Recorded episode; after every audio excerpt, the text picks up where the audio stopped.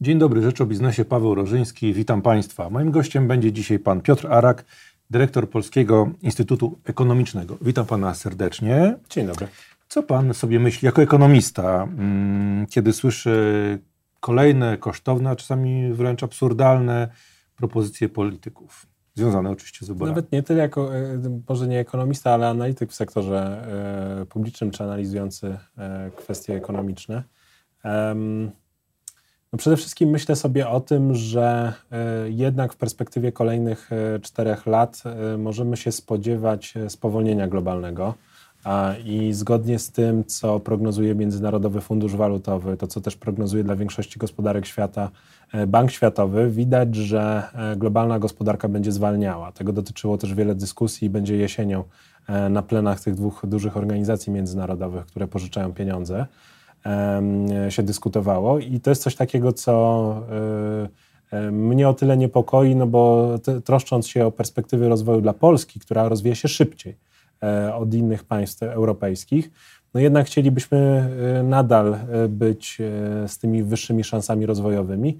Nie wszystkie propozycje, które się pojawiają z poszczególnych ugrupowań politycznych, są prowzrostowe w, tym, w, tym, w tej perspektywie kolejnych lat. I to jest coś takiego, co mnie martwi.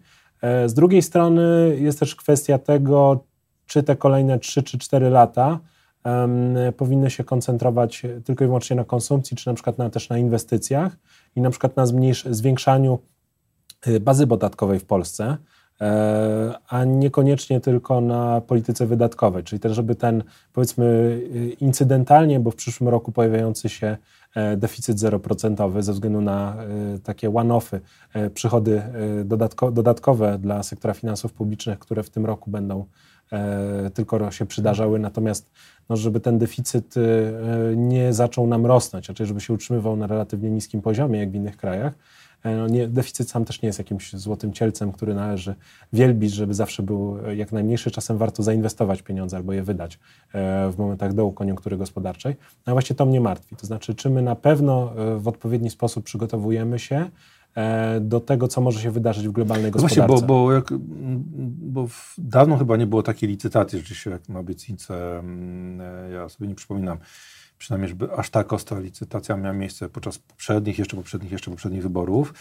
Mm, e, I czy to trochę y, nie jest tak, y, może źle to świadczy o nas, Polakach, że trochę się zmieniliśmy, że Mm, nie wiem, czy to bardziej obwiniać klasę polityczną, która jest tylko emanacją tak naprawdę Polaków, że, że jednak w pewnym sensie można nas kupić, tak? że, że y, im więcej się obieca, tym lepiej. Tak myślą politycy. Stąd tyle tych y, rozmaitych obietnic i, czy to, czy to czy trochę źle o nas nie świadczy, oświadczy jako narodzie? Nie, bo większość społeczeństw przechodziła podobne y, schematy w swoim rozwoju. To znaczy w latach 70. i 80., co zresztą dosyć jeden z kluczowych polityków y, naszego kraju słusznie zdiagnozował, mówiąc o wiem, polskim modelu dobrobytu czy o polskim modelu państwa opiekuńczego.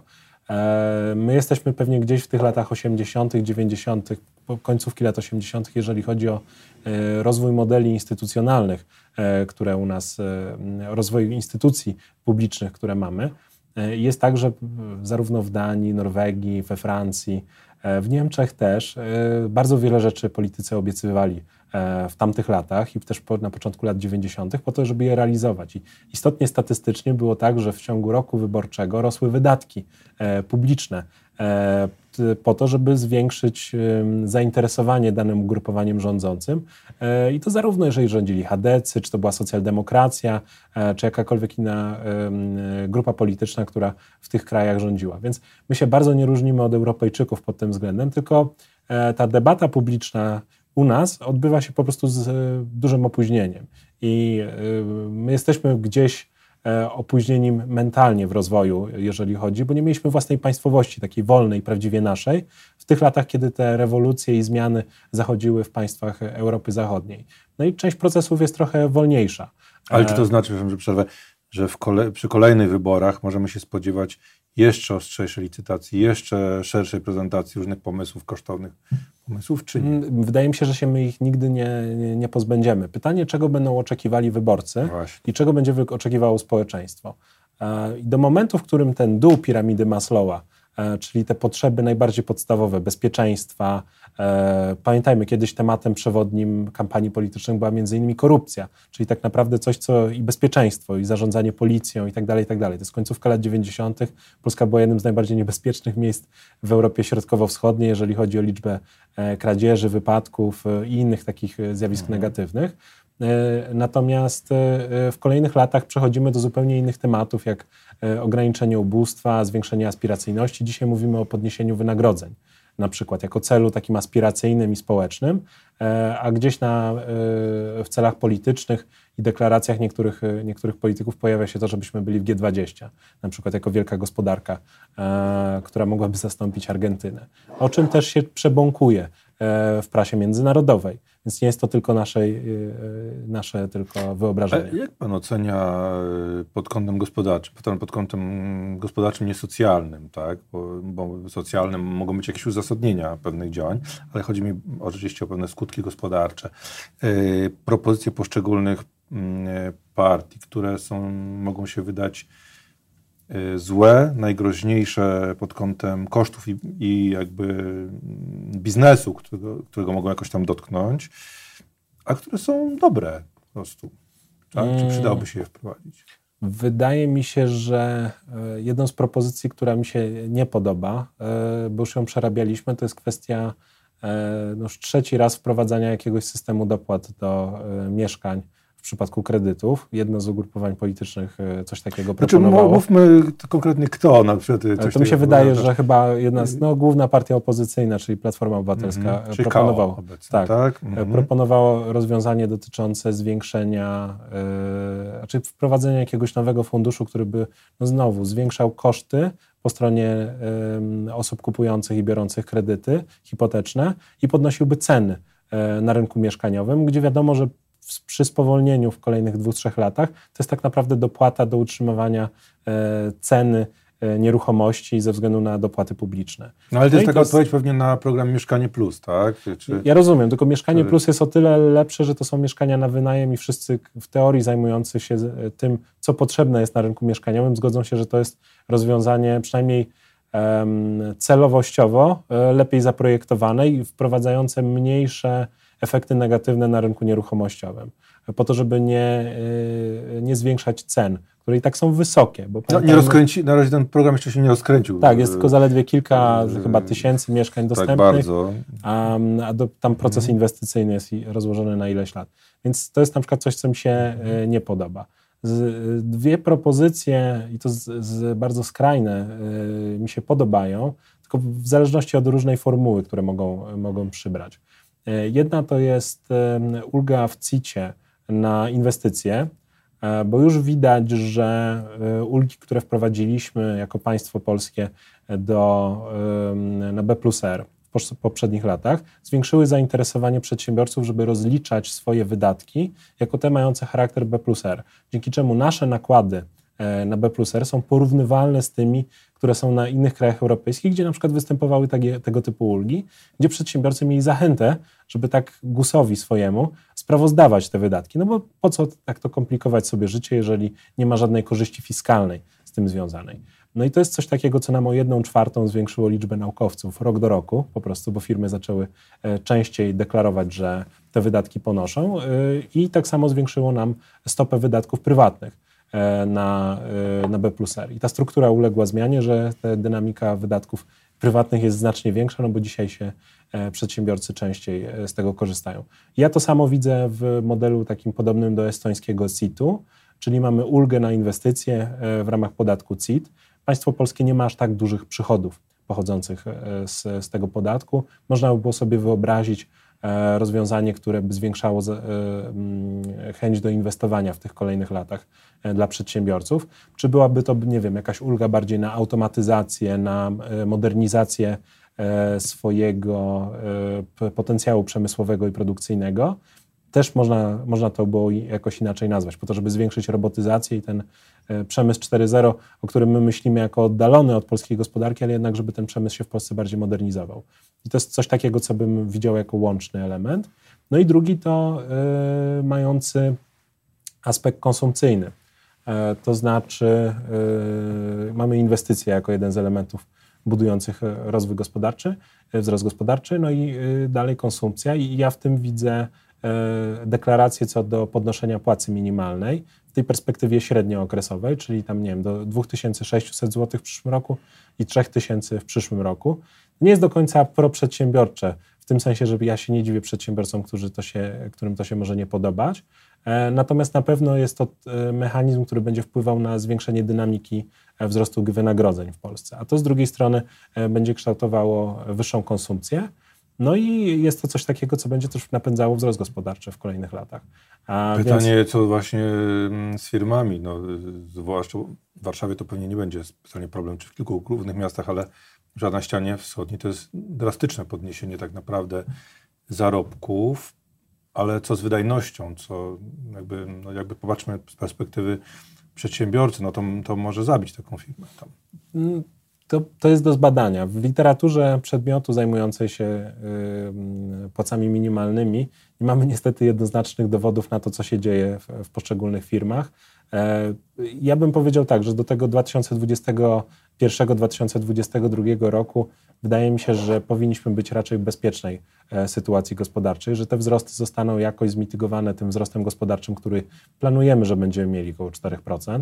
E, więc y, dodatkowym ten element konsumpcji wewnętrznej, to, że będzie popyt na usługi dla firm, powinien umożliwić im dalszą działalność. Oczywiście y, ja bym monitorował y, sytuację przedsiębiorstw. Jeżeli byłaby y, zbyt dużo tych efektów zewnętrznych, no to też to jest decyzja, którą się rok do roku podejmuje na poziomie Rady Dialogu Społecznego, w której są pracodawcy i związki zawodowe i pewnie mm, nie wiem, Rada Ministrów czy rząd będzie decydował o tym, żeby jednak tego nie zwiększać. Więc ja bym monitorował tą sytuację. Ja dlatego mówię, że ta obietnica, czyli wykorzystanie mechanizmu, który i tak jest, no bo musimy zwiększać wynagrodzenie minimalne przynajmniej o wskaźniki związane z e, PKB i inflacją, to jednak e, w tym e, kolejnych latach jest tym czynnikiem, który będzie sprawiał, że inni pracownicy będą chcieli więcej zarabiać, bo w naszym regionie dynamika płac w Polsce była jedną z najniższych w ostatnich latach.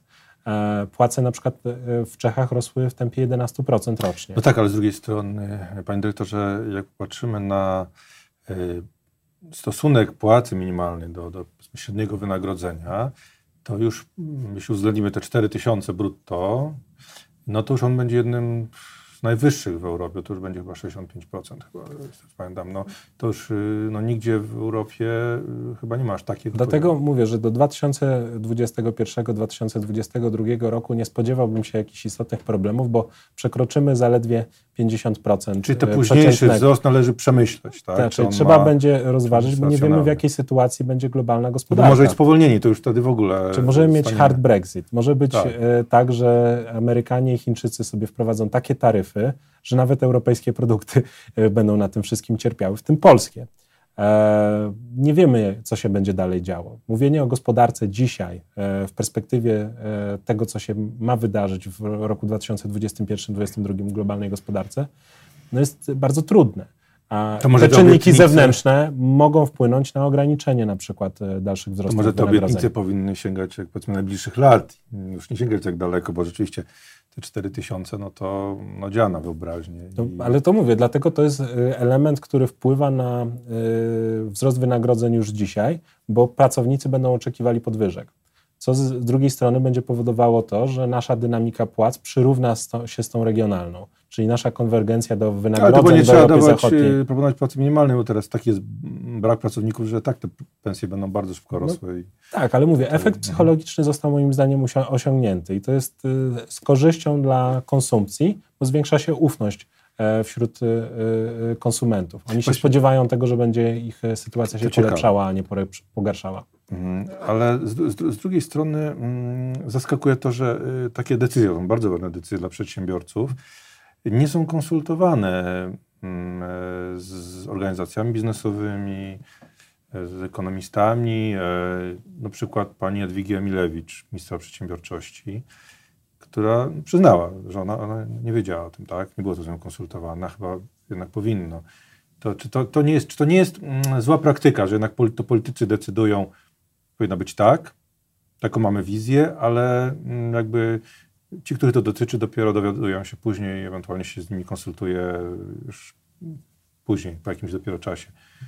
I czy to, jest, czy to nie jest trochę niepokojąca praktyka? No. No, nigdy nie chciałbym być politykiem i osobą, która musi się e, spierać e, o wszystkie kwestie i dyskutować na, na, na każdy temat i znać się o wszystkim. Natomiast jest tak, że jest jakaś e, większość parlamentarna, która sobie określa, jakie ma cele polityce społeczno-gospodarczej. No i potem tym celom stara się nadać jakiś wymiar realizacyjny. E, akurat w przypadku płacy minimalnej to uważam, że to jest e, bardzo sprytnie opisane i opowiedziane, bo e, wiadomo, że ją będziemy musieli podnosić. Można z tego uczynić cel polityczny. Nigdy w, życiu żeśmy na ten temat w ten sposób o płacy minimalnej nie rozmawiali. Zawsze raczej to było coś, co się działo gdzieś tam na Radzie Dialogu Społecznego, związki zawodowe czegoś oczekiwały, pracodawcy się nie, nie zgadzali, potem rząd coś ustępował, no i mieliśmy jakiś tam kompromis, w którym E, ktoś podnosi wynagrodzenie. No a to bardziej przypomina właśnie dyskusję, jaką mieliśmy, nie wiem, w latach 70., 80., stąd wracam do tych e, państw welfare state, kiedy kształtowały się welfare state i były rządy, które e, kreowały bardzo świadomie politykę społeczno-gospodarczą. I to jest moim zdaniem bardzo ciekawe, bo to jest taki powrót do przeszłości. Jest to trochę odświeżające, gdzie, gdzie cele jakiejś polityki społecznej stają się jednymi z ważniejszych, e, dla państwa. No tak, I to jest bardzo, bardzo ciekawe. Czy... Natomiast wracając do tego, czy, czy taka decyzja, e, ona i tak będzie podejmowana dopiero w 2023 roku i w 2022. My jesteśmy w 2019. Nie da się dzisiaj zadekretować, jaka będzie płaca minimalna, ponieważ jest cały, cała procedura ustawowa e, która tego no, ale dotyczy. kwota padła i jakby tutaj... No tak, ale... Zresztą, ale... Szczerze mówiąc, rząd, nie wiem, no, stawia się w trochę trudnej sytuacji, z, oferując takie, takie pieniądze, a nie inne, w sytuacji negocjacji ze związkami zawodowymi. Ponieważ związki zawodowe też będą chciały coś ugrać i yy, powiedzą może tak, skoro stać nas na tyle, tyle deklarujecie, to my chcemy 5 tysięcy. I nie ma tej gry takiej, yy, że powiedzmy rząd yy, mówi, że to będzie źle, że, że nie stać nas i jakoś tam się dochodzi do jakiegoś kompromisu, wszyscy są zadowoleni tylko teraz może dojść do właśnie takiej eskalacji, że związki to wykorzystają. No, rzeczywiście mogłoby tak być, natomiast w odróżnieniu od tych krajów, e, o których wspominałem, które budowały sobie e, takie welfare state w latach 70. i 80., e, my nie mamy silnych związków zawodowych. Poziom uzwiązkowienia w Polsce jest zupełnie na innych poziomach niż w tamtych krajach, gdzie one sięgały, nie wiem, 70-50% przynajmniej. I moment w ogóle, w którym e, decyzje zapadają dotyczące płacy minimalnej, to już jest tak naprawdę decyzja trochę bardziej administracyjna. Oczywiście jest konsultowana z pracodawcami e, i związkami zawodowymi, ale zarówno pracodawcy, jak i związki zawodowe są w Polsce w znacznie słabszej pozycji. E, ze względu na niereprezentatywność. No, wśród organizacji pracodawców też one nie reprezentują tylko kilkanaście ale, procent firm. Ale właśnie, A... to jest też ciekawe, bo mówi Pan, że związki zawodowe relatywnie są słabe i to jest, to, jest, to jest prawda. One są werbalnie silne, a w realu są słabsze. Ale z drugiej strony mam wrażenie, że to, co się dzieje w tej chwili, to, że pewne rzeczy nie są konsultowane z biznesem i mogą y, przez większość być odbierane jako szkodliwe dla niego, to wynika też ze słabości biznesu, słabości, braku jego obecności w tej sferze polityki, prawda? Znaczy, mm, czy pan się ze mną zgodzi, że, że praktycznie nie, no nie mamy wśród posłów, nie mamy tak dużo biznesmenów wcale, mm, e, że y, politycy nie muszą się tak bardzo liczyć z tym biznesem. Że pozycja jest słaba. No tak, ale mamy też bardzo słabe organizacje przedsiębiorców, ja bym powiedział, bo w Niemczech chociażby. Ja już, ja już pomijam kwestię jakby regulacji samorządu gospodarczego, bo to nie jest temat dzisiejszej dyskusji, ale e, w Niemczech e, kilka tych kluczowych organizacji pracodawców są naprawdę ważne postaci e, w gospodarce tamtego kraju, które no, czasem mogą bardzo mocno wpływać na decyzje podejmowane przez rząd. Jakikolwiek to rząd by nie był, jakiekolwiek ugrupowania by nie dotyczył. Przez to, że pracodawcy y, odpuścili sobie samorząd własny gospodarczy y, i też go osłabili, to także związki zawodowe nie muszą być aż tak silne po to, żeby reprezentować swój głos. No bo do, do tanga trzeba dwojga, a do dialogu społecznego akurat trojga. I jest tak, że jeżeli jedna z, te dwie strony nie mają aż tak silnej reprezentatywności, nie mają tak silnej organizacji, nie mają też potrzeby do tego, no to trochę osłabia ich możliwości negocjacyjne. Co ja mówię trochę z, z żalem, bo dialog społeczny jest bardzo wartościową instytucją. E, I sama możliwość dochodzenia do konsensu e, w debacie, do tego, żeby wielogodzinnie prowadzić negocjacje dotyczące jakichś wskaźników, przy, przykładać analizy, no jest dosyć ważne. Natomiast y, y, potrzebujemy do tego y, y partnerów i to zarówno po stronie publicznej, e, a tak to dialog społeczny dzisiaj to w dużej mierze często jest coś, co my próbujemy przypisać do, tych, e, do tej literatury ekonomicznej i socjologii gospodarki, e, która jest typowa dla właśnie państw welfare state E, jak Dania czy Szwecja, natomiast nasze warunki negocjacji są zupełnie inne. Znaczy my w tej, my w tej chwili jakby skupiamy się i ta dyskusja obecna skupia się rzeczywiście na tej płacy minimalnej, ze względu na rzeczywiście skok y, tej wartości, ale mamy też inne tutaj pomysły, na przykład jeśli chodzi o ZUS, to kartia, każda partia ma inny pomysł generalnie. E, co dalej robić z ZUS-em, składkami ZUS-owskimi? Jak pan ocenia sytuację tutaj? Bardzo dużo różnych dziwnych rzeczy się e, a propos tych składek e, mówi. E, sama propozycja, która padła z ust polityków i tam prezesa Rady Ministrów, jest dosyć nie, nieprzejrzysta jeszcze w tym momencie. Do momentu, w którym nie pojawią się jakieś założenia dotyczące tego, czym ten ZUS liczony od przychodu albo dochodu, od progu, w którym ta, ta kwota pomniejszona czy podwyższona składek ma zostać naliczana, E, no to, to tak naprawdę bardzo trudno ocenić, co, co, jak to mamy no mamy traktować. też tej 30-krotności, tak, to, tak. to też jest do końca niejasno jeszcze. Tak, w sprawie 30-krotności też nie ma ani projektu ustawy, nie ma żadnego hmm. e, zwerbalizowanego chociażby e, ale głosu, że ma się są, to pojawić. Ale na przykład są pomysły, no, to zdaje się PSL-u pomysł, żeby w ogóle ten no, żeby płacić ten ZUS właściwie kiedy się chce, jak się chce i tak, tak to można było odebrać. No i to już jest bardzo no. libertyńskie, bym powiedział nawet, że żeby, żeby składki nie były naliczane w ogóle.